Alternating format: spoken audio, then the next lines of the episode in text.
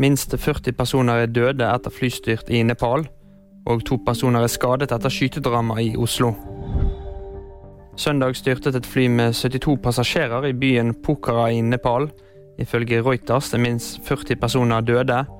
TV-bilder viste tykk, sort røyk stige fra ulykkesstedet, mens redningsarbeidere og mennesker samlet seg rundt flyvraket. Nyhetsbyrået AFP News opplyser om at det er observert flere overlevende. En myndighetsperson i Kaski-distriktet sier de har sendt noen av de overlevende til behandling på sykehuset. Nepalsk flyindustri har lenge slitt med dårlig sikkerhet, og EU har lagt ned forbud mot flygninger fra nepalske flyselskaper i sitt luftrom. Det har vært eh, skuddveksling på åpen gate. Eh, trolig vært en konflikt som har starta inne på en bar i Klingbergsgata.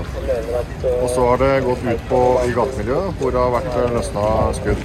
To personer er skutt. Eh, begge er kjørt sykehus og ivaretas der. Den står ikke som eh, kritisk. Eh, så nå er vi i en etterforskningsfase. Det sa innsatsleder Magnus Strande om nattens skuddveksling som fant sted i området ved Nationaltheatret.